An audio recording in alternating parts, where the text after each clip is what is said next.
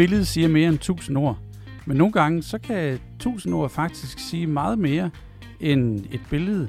Og de rigtige ord kan være med til at, øh, at skabe den forandring og den verden, vi gerne selv vil være en del af. Og en af de ting, vi oplever, når vi arbejder med transformationer, og vi arbejder med de moderne virksomheder, de moderne kulturer, det er, at de har lavet om i deres sprog, enten fordi det er en del af deres transformation, eller fordi det bare opstår som en konsekvens af deres transformation. Og det dykker vi ned i i den her episode af Fremtidens Ledelse to Go. Så snup din kom kaffe og tal med. Hej Erik. Hej Puk. Hørte Vi- du det sproglige twist i starten? Det gjorde jeg, og vi skal tale om ord i dag. Det skal vi. For det er, det er faktisk en af de ting, som er helt tydeligt tegn på, at der sker noget i organisationerne, når vi er igennem de her paradigmeskift. Jeg husker tilbage i øh, for en, en, en 5-6 år siden, i en af de øh, forandringer, vi lavede, der er noget det, det første, vi så øh, manifestere sig, det var, at de begyndte at ændre tøjstil. At de her ledere, de, øh, de smed slipset, og de smed øh, også jakkesættene, de gik i jeans, de kom også i sneakers og i t-shirts, og øh, øh, efter et år, halvanden, så havde de ændret tøjstil. Og jeg har set det samme bare inden for sprogbrug, at når vi har arbejdet med, med selvledelse og med øh, omsorg og med øh, næstekærlighed, og vi har talt værdighed, og vi har talt det hele menneske, og vi har talt øh, teal, jamen så efter noget tid, så, øh, så begynder folk at ændre sproget. Og det synes jeg er så interessant. Det er rigtig interessant, og vi har jo nogle gange på diverse workshops eller møder siddet og holdt lidt øje med ordene. Netop mm. for enten at, at tælle dem eller observere, hvilke ord det er, og så igen seks måneder senere gjort det samme. Og det er jo lidt en subjektiv måling. Det er jo ikke som om, du sådan kan stille den sådan, sådan helt op som en rigtig måling, men, men det er en indikator for, at der sker en udvikling og en forandring, og det er ret interessant, når man begynder at, at på den måde tælle og lægge mærke til ordene. Øh, helt sikkert. Og der er lavet nogle, øh, nogle undersøgelser, og jeg er ved at grave frem, om der også findes nogle, nogle studier om det. Men øh, der er i hvert fald en, øh, en Caroline Turner, der har skrevet en bog, der hedder Difference Works, hvor hun arbejder med noget, der hedder et, et masculine-feminine continuum, hvor hun går ind og analyserer på øh, kulturer, og hvordan sprog afspejler eller er et billede af kulturen, eller hvordan sproget påvirker kulturen. Og hun arbejder netop med maskulin og feminin sprogbrug. Og en af de ting, som jeg kan se, som også kommer til at være med min øh, næste bog, og der plukkede jeg lige den, øh, Mm. det er, at øh, de ledergrupper og de organisationer, som er bedst til at fagnes for eksempel selvledelse eller fagne øh, øh, omsorg for hinanden, de har en klar balance mellem feminin sprog og maskulin sprog, at de, øh, de helt klart har taget nogle nye vendinger og nogle nye begreber i brug, og nye, nye måder at, øh, at tale med hinanden på.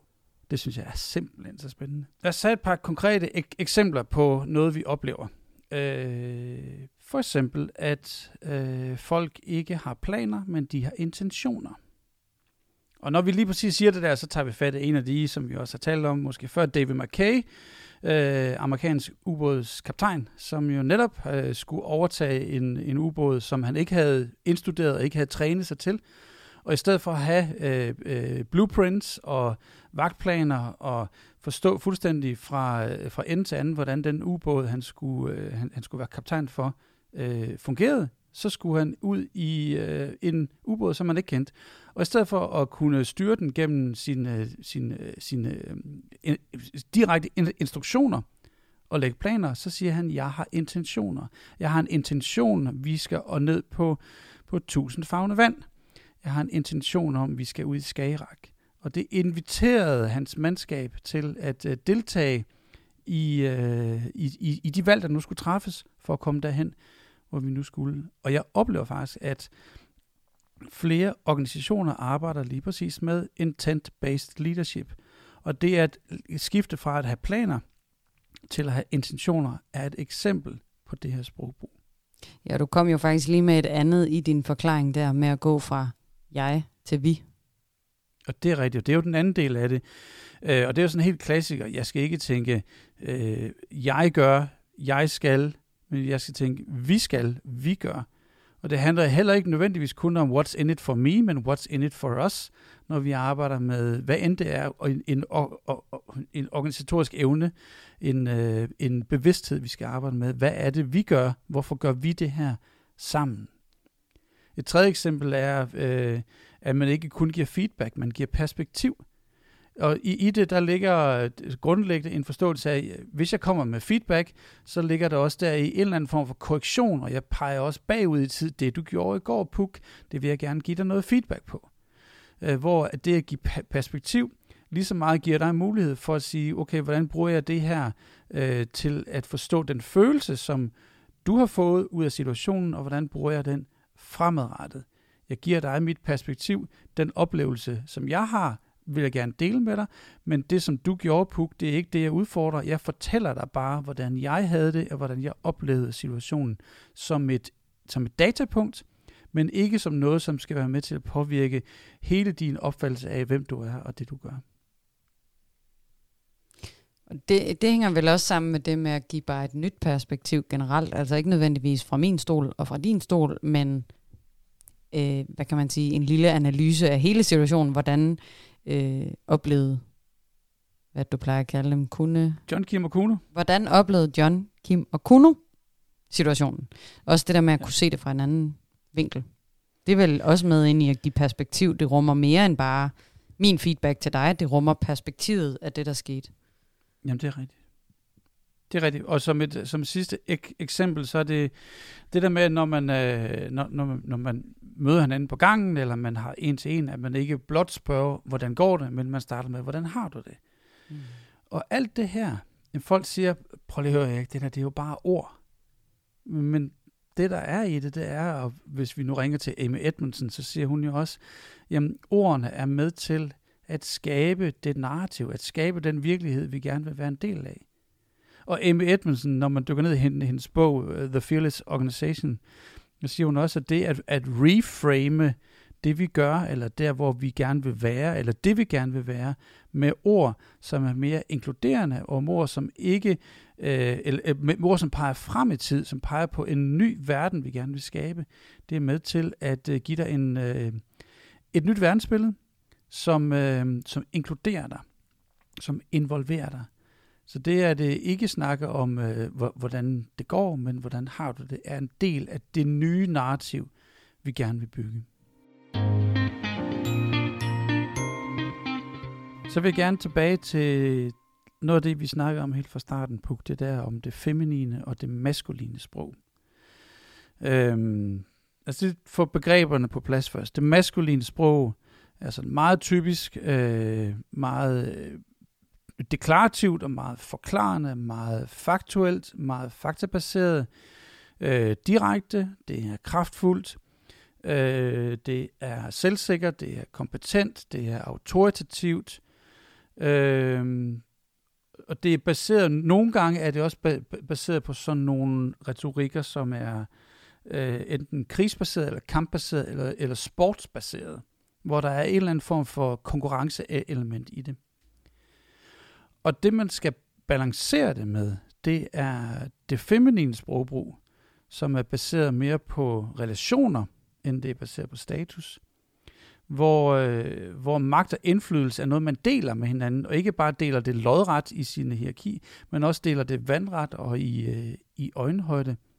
Øhm, og der er faktisk også indbygget i det, det feminine sprog nogle, øh, nogle, øh, nogle talemønstre, som, øh, som er med til at enten skabe eller opretholde, øh, man kan sige, den, det, det fladere hierarki, det der med, at man, man reelt lytter på folk, som ikke kun er til stede i rummet grundet titel, men på grund af det, de kommer med, det de er og det de kan. Så man, man inviterer i, øh, i, i øjenhøjde. Øh, det, det feminine sprogbrug øh, bruger også øh, øh sådan noget helt konkret som undskyldninger at man, øh, at man anerkender, at man har lavet en fejl, men også anerkender og bruger aktivt, at øh, vi har vi indsamler læring, at det er, det er okay at lave fejl, fordi deri der ligger også et, øh, et, et læringsmoment. Så øh, en, en af dem, vi også kender, som vi har snakket med før, Puk, Gary Rich og WD-40, øh, siger jo, yay, we had a learning moment. Og det er for mig et super godt eksempel på, hvordan det feminine sprogbrug kan blive aktiveret og blive helt konkret. Man taler ikke om fejlen, men man taler om, om læringen. Og det, som Caroline Turner så siger i hendes bog, det sagde, godt, der er et kontinuum, der er også noget, hvor de overlapper hinanden, de her to sprogtyper. Øh, og det, det, øh, det, jeg i hvert fald kan se, det er, at de kulturer, som har en større grad af balance mellem de her to, de er meget stærkere til at varetage både paradigmeskiftet og skabe organisationer, hvor folk gider at møde op. Jeg synes, det, det er meget interessant, og det er jo... Øhm Altså det, det er et område, hvor jeg er lidt mere på udebane. Øh, jeg har jo været med til at lægge mærke til sproget og se det ændre sig, som vi snakker om i starten. Men det, det som du siger, det får mig til at tænke på to ting. Øh, for det første det der med at være en del af et møde, hvor der er et meget hårdt sprog.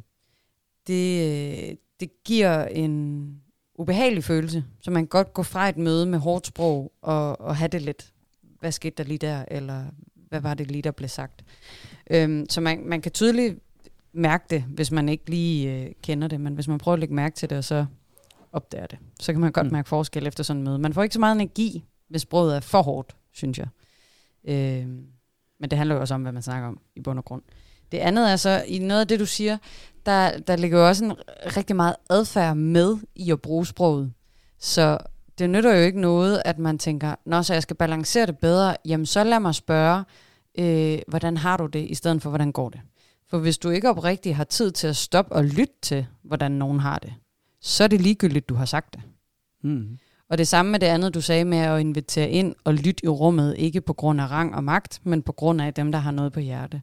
Så skal man også reelt set gøre det. Altså man skal putte adfærd bag, ellers så virker sproget ikke. Mm. Så bliver det hult.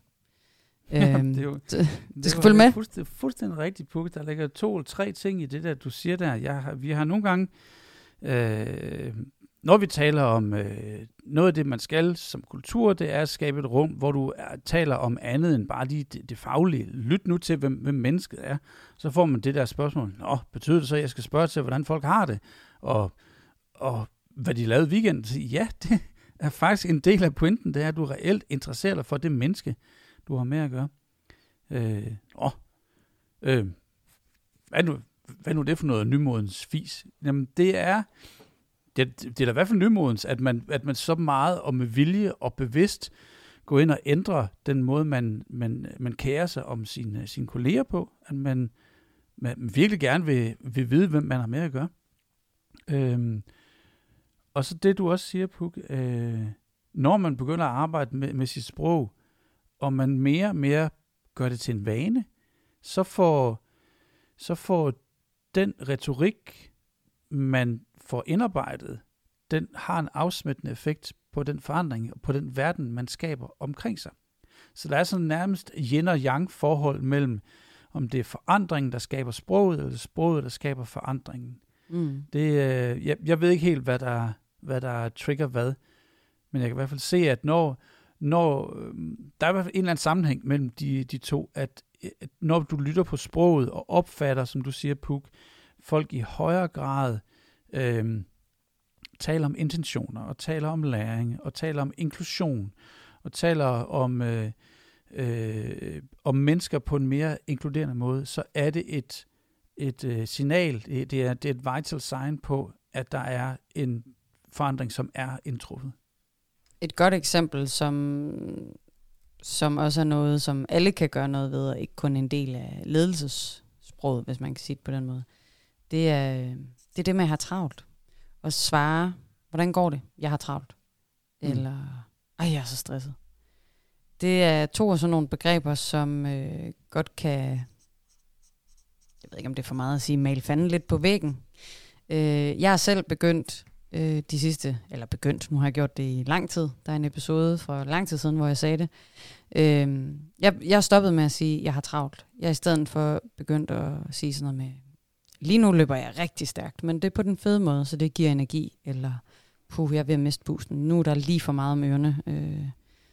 Men slet ikke at bruge ordet travl, fordi det bliver sådan en... Øh, for nogen er det sådan en status. Jeg har travlt. Jeg har altid meget at se til. Og det synes jeg er kedeligt. Hmm. Jamen det, ja, og det er jo et fint eksempel på, hvordan, hvordan ordene kan skabe øh, verdensbilleder. Ordene kan, øh, ordene kan, kan skabe et billede, som man vil være en del af, eller ej. Jeg har, jeg har mange år arbejdet med, jeg, har, jeg laver ikke om morgenen to-do-lister for, for min dag. Jeg laver en could-do-liste. Og bare det der, at jeg starter med hver, hver morgen, når jeg går ind på arbejde, og, og sige, jeg kunne gøre det her.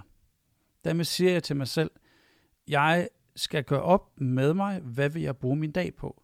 Ja, så ved, så ved jeg godt, at jeg har lovet nogen noget. Jeg skal være til det møde, til det møde. Jeg skal aflevere den her, det her Word-dokument, og jeg skal sende de her mails, fordi det har jeg lovet noget. Men reelt, så, øh, så kan jeg jo træffe valget selv i, i, til en vis grad. Og det der, det her kunne jeg gøre, det er, det er for mig noget, som, det, det, det får mig lige til at, til at stoppe mig op. Til at stoppe mig op. Det får mig lige til at stoppe op øh, om morgenen hver eneste gang. Det er jo sjovt, at det er det, ordene kan gøre, og, og hver eneste gang, jeg er ude i en organisation så, og spørger, øh, er der overhovedet øh, tid og prioritering til at drive den her forandring? Altså har vi, har vi plads nok til det? Så svarer alle, ej, men vi er jo sådan en organisation, der har så travlt. Hmm. Vi har jo øh, Colgate-kalendere og hvad vi ellers har kaldt det gennem tiden. Og det er jo bare ærgerligt, at det er det, der bliver fortællingen for alle, der arbejder i den virksomhed. Og det er jo ikke ja. godt for forandring. Så man bliver nødt til at finde et nyt sprog for både det, for at skabe plads til forandring, og så have adfærden med, og så som du siger, hvad er det så for nogle øh, feminine og maskuline balancer, der skal til for at skabe en, jeg har lyst til at sige, en ny virkelighed, mm. øhm, vi eksisterer i, og hvor der er plads til at kunne drive, drive noget, Ja, det er et super godt eksempel, Puk. Et, øh, endnu et eksempel, som jeg lige, øh, som lige dukket op hos mig nu, det er, at jeg, jeg oplever faktisk øh, færre færre styregrupper rundt omkring. Jeg oplever referencegrupper, eller working groups, øh, eller advisory boards. Og det er så sjovt at se, at, at øh, folk de prøver virkelig at skabe en ny virkelighed ved at ændre navnet på, på, på, på den der gruppe, at den i højere grad er rådgivende, vejledende, øh, kommer med input, og ikke er en, en styregruppe ovenpå et projekt. I øjeblikket så oplever jeg styregrupper, når vi arbejder på tværs af organisationer. når der er to organisationer, to virksomheder, der skal arbejde sammen, så nedsætter man en styregruppe. Men det tror jeg også kommer til at ændre sig. Det vil være min, min påstand. Men det er virkelig sjovt at se, at at de grupper, som hjælper projektgrupperne, er ved at finde ud af, at der er sgu et eller andet guf i at navngive sig anderledes, opføre sig anderledes, stille flere spørgsmål end at komme med svar, og at det reelt kan noget. Erik, når man så skal bruge sproget sådan mere øh, konstruktivt i sin tilgang til at drive en forandring eller i sit arbejde. Så nævnte du det her, Amy hun siger. Og øh, jeg tænker jo lidt, at når du skal beskrive den nye virkelighed og bruge tid på det, at så er det noget, du gør i en eller anden form for design-arkitekturfase, når vi snakker forandring. Hvis du vil fra A til B, jamen så er der en eller anden fase, hvor vi skal snakke om, hvordan ser B ud. Øh, og, og der tænker jeg, at sproget bliver ufattelig vigtigt at putte ind i den kontekst og snakke om i den fase. Hmm. Øh. En af de vigtige faser, en af de vigtige skridt i den der fase, det er, i min verden, der er det, det jeg kalder oversættelsen. Og det er jo, meget, det er jo lige præcis billedligt, at vi oversætter fra et sprog til et, et andet. For eksempel, vi skal oversætte selvledelse. Hvad betyder, hvad betyder selvledelse for dig, Puk? Og så begynder du måske at bruge nogle ord, og du er i din indsatsprofil, der er du gul, så ved jeg godt, hvor mange ord og hvor ustruktureret de kommer ud af dig. Og hvis jeg spørger en, en anden, som er mere i indsatsprofil blå og dataorienteret, så er det en anden type ord, der kommer ud. Det at få, få, øh, få hjulpet hinanden med at lave de her oversættelser, øh, er jo netop en del af at skabe nogle billeder for forandringen, og konkretisere gøre det. Så det er, det er i hvert fald den, den første skridt. Så oplever jeg også, at, at øh, når, øh, når man er i gang med noget, så kan der opstå øh, et, et nyt sprog, en joke, et meme. Øh, lad os bare bruge ordet popcorn. Det er jo blevet et billede på en person, der har oplevet noget, som er irreversibelt, som aldrig, øh, som man aldrig kan, øh, kan, øh, kan gå væk fra. Øh, så billederne kan opstå enten i den fase, som, som du siger der, Puk, nu skaber vi et billede, og vi bruger det her ord, det her sprogbrug, for at reframe, som Amy Edmondson netop siger. Vi reframer den verden, vi vil være en del af. Og så undervejs i vores forandring, så, øh, så er vi også for at øh, gennem vores retrospektiver og gennem vores, vores perspektiver, vi giver hinanden, at belyse, hvornår jeg trådte på den forkerte side af stregen, eller du trådte på den forkerte side af stregen, eller vi gjorde noget, som var på den rigtige side af stregen. Og vi hjælper hinanden til at pege på de steder, hvor vi netop for eksempel brugte sproget rigtigt, eller vi brugte vores mekanismer rigtigt. Og ud af det kan der så til allersidst optræde nogle nye sprogbrug, nogle, øh, noget som er vores nye kulturelle lim, som kan være øh, good enough for now, safe enough to try, som er jo igen et, øh, et, et sprogbrug, som, øh, som peger på en tilgang til forandring, en tilgang til det at tage chancer. Jeg sidder også og kommer til at tænke på det agile manifest, når du siger det på den måde, ikke? Noget over noget. Ja. Det er også en måde at tilgå det på, fordi det er jo ikke som om, vi siger det her frem for det her, vi siger noget over noget, så vi prioriterer det på den ene side over det andet, men det andet er også vigtigt. Det er rigtigt. Igen, det er, øh, øh, hvis man er bevidst om de, om de sprogbrug, man bruger, og de ord, man vælger, så er det ikke bare for sjov, men det er reelt ord. Ord skaber, ord skaber billeder. Ord kan skabe tusind billeder. Et billede kan også øh, skabe tusind ord. Men det er at få lavet de der oversættelser i fællesskab, som er en af nøglerne til at lave forandringerne. Og forhåbentlig kan det være med til at skabe adfærd. Jamen det kan det jo lige præcis, når vi, når vi netop hjælper hinanden med at, øh, med, med, med at agere og fange hinanden i de gode handlinger. You had a learning moment.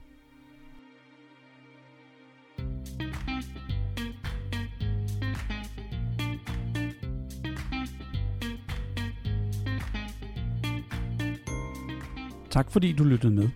Hvis du synes episoden kunne være fedt, så del den endelig med dine kolleger eller med din leder. Husk, at du kan rate og review os i iTunes. Og du kan også abonnere på os, så du kan få fat i fremtidige episoder. Tak fordi du er med til at skabe fremtidens ledelse.